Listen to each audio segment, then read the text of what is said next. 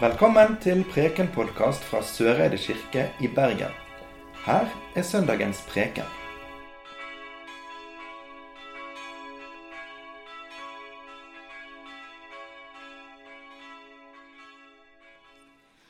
Det står skrevet i evangeliet etter Lukas.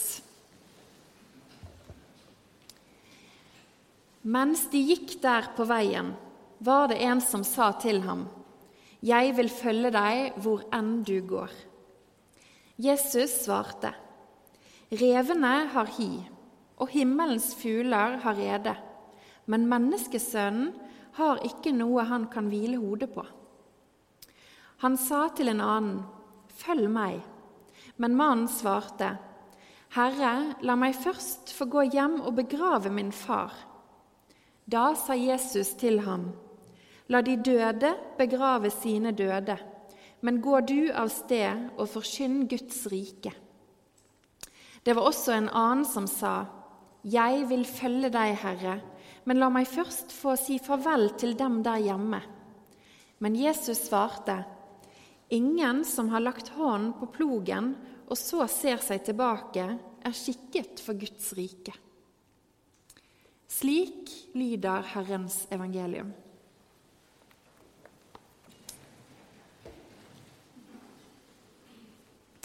Jeg vet ikke hvordan du ser for deg Jesus. Men hvis jeg hadde spurt alle dere når dere kom her i dag, om hvordan du ser for deg Jesus, så tror jeg kanskje at jeg hadde fått like mange svar som det vi er folk her inne. Kanskje til og med enda flere. Og kanskje noen av de beskrivelsene hadde vært at Jesus er ord som snill og mild.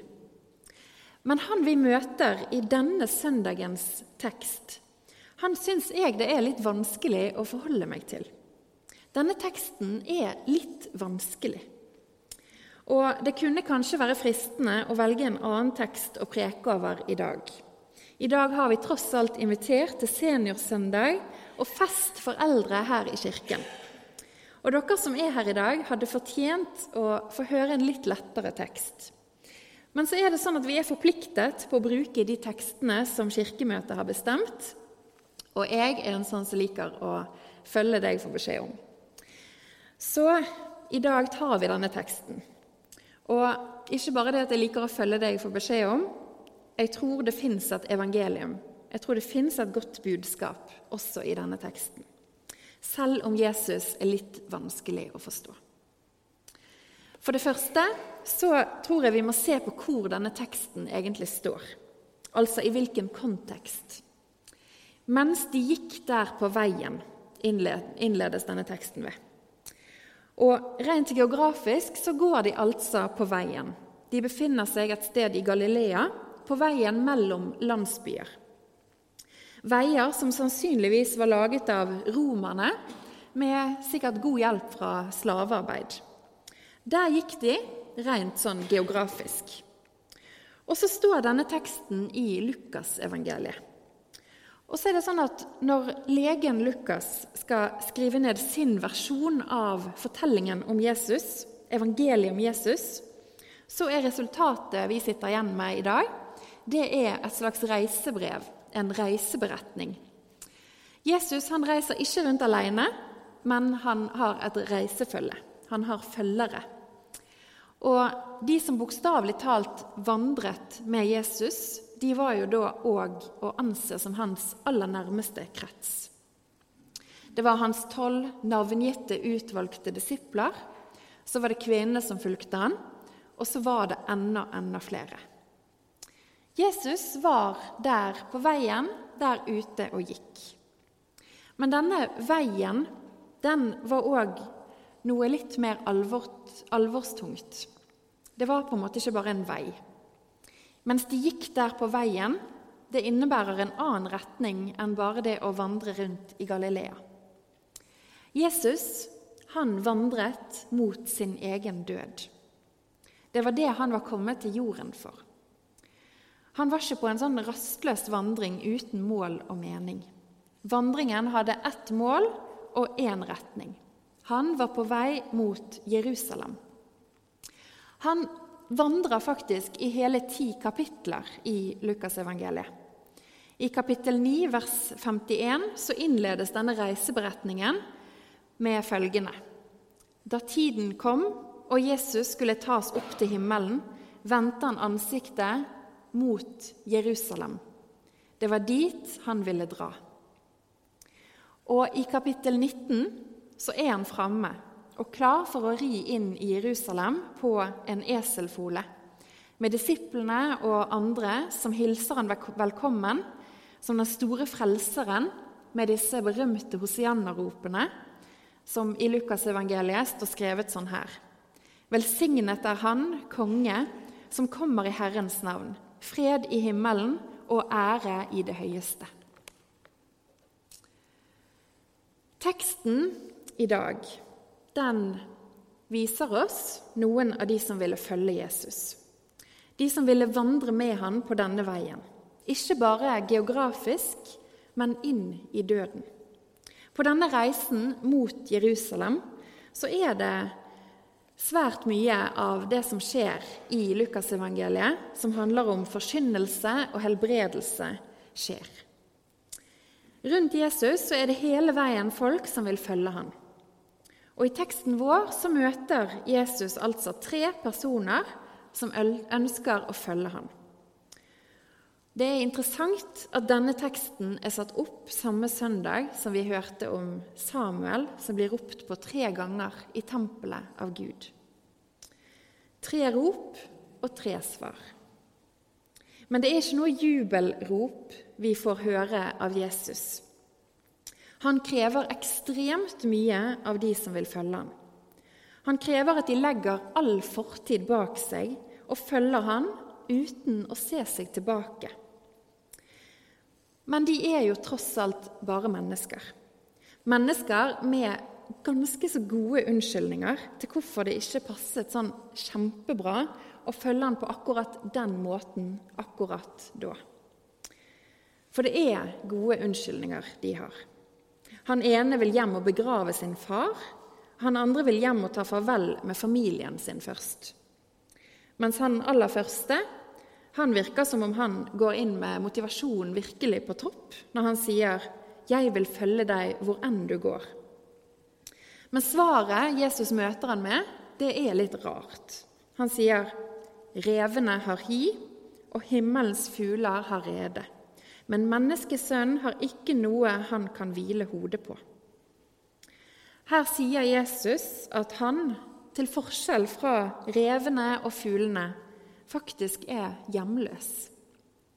Så hvis denne nye disippelen vil følge han, så må han også forvente å bli det. At menneskesønnen er hjemløs, det henger kanskje sammen med Jesus sin retning mot døden, mot Jerusalem, hvis vi leser det sånn. Her kommer alle til å vende han ryggen. Ingen vil vedkjenne seg ha hatt noe med han å gjøre. Han vet at disiplene kommer til å svikte og forråde han, og at de som følger han, de vil gå en vanskelig tid i møte, også etter hans arrestasjon og død. Det er en tydelig retning mot det som skal skje i Jerusalem, mot Jesu død. Men framfor alt så leser jeg denne teksten som at den handler om livet her og nå. Jesus er streng med de to som han ber om å la være å gravlegge sin far, og til å legge hånden på plogen og ikke se seg tilbake til familien, som han så gjerne vil ta avskjed med. Det er harde svar og harde krav. Men han ber de altså om å legge alt annet til side. Etter noen år på denne jorden så kjenner jeg meg jo igjen i den erfaringen. Det fins øyeblikk der vi må velge mellom det viktige og det viktigste. Og selv om jeg skulle ønske at Jesus hadde opptrådt hakket mer sjelesørgerisk, så må jeg innrømme at han har et poeng. Og Lukas, forfatteren av evangeliet, han har kanskje også i tillegg satt dette litt på spissen. For det var sånn at det hastet. De som var i reisefølget til Jesus, de trodde òg at han kom til å komme tilbake innen deres levetid. 2000 år har gått siden denne teksten ble overlevert og etter hvert skrevet ned. Jesus har ikke kommet tilbake.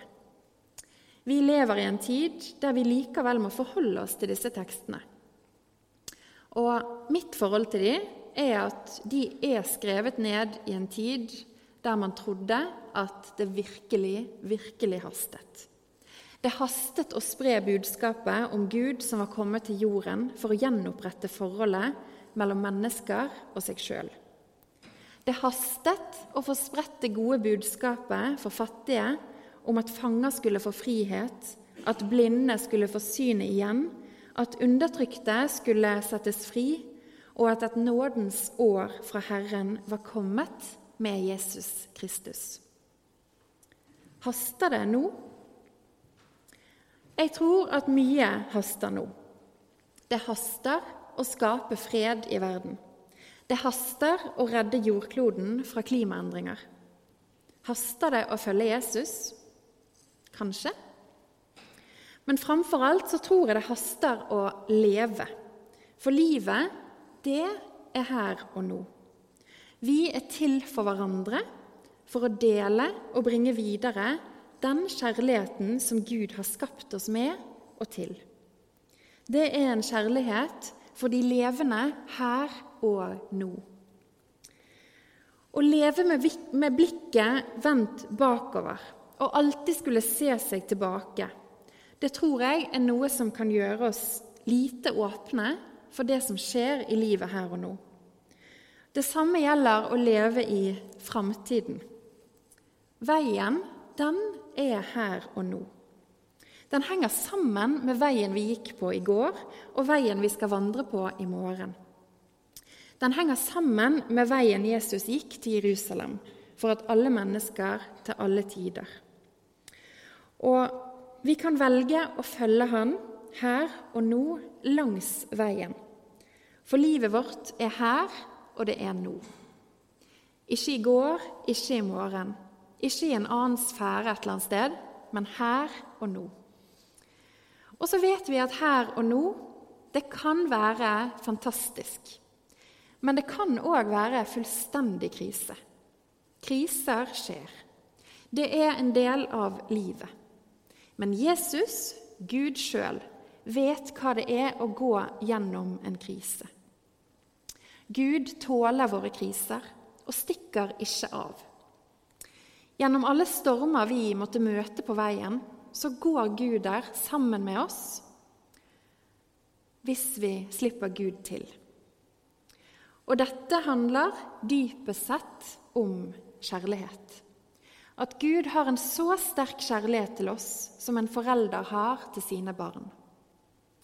Mange av, mange av oss har erfaringer av det at fordi vi elsker, så kan vi klare å stå opp i mange, mange kriser. For kjærlighet mobiliserer. Det sies at kjærlighet gjør blind, men jeg er litt uenig. Jeg tror at det hjelper oss å løfte og feste blikket på det aller viktigste. Her og nå så er vi kalt av Gud sjøl til å vandre på den veien vi er gitt i dag. Og der kan vi velge å gå sammen med Han som gikk i døden for oss. Dypest sett så tror jeg vi alle er kalt til å følge Gud og legge fra oss det som tar vekk oppmerksomheten derifra. Ære være Faderen, Sønnen og Den hellige ånd, vår skaper, frigjører og livgiver. Amen.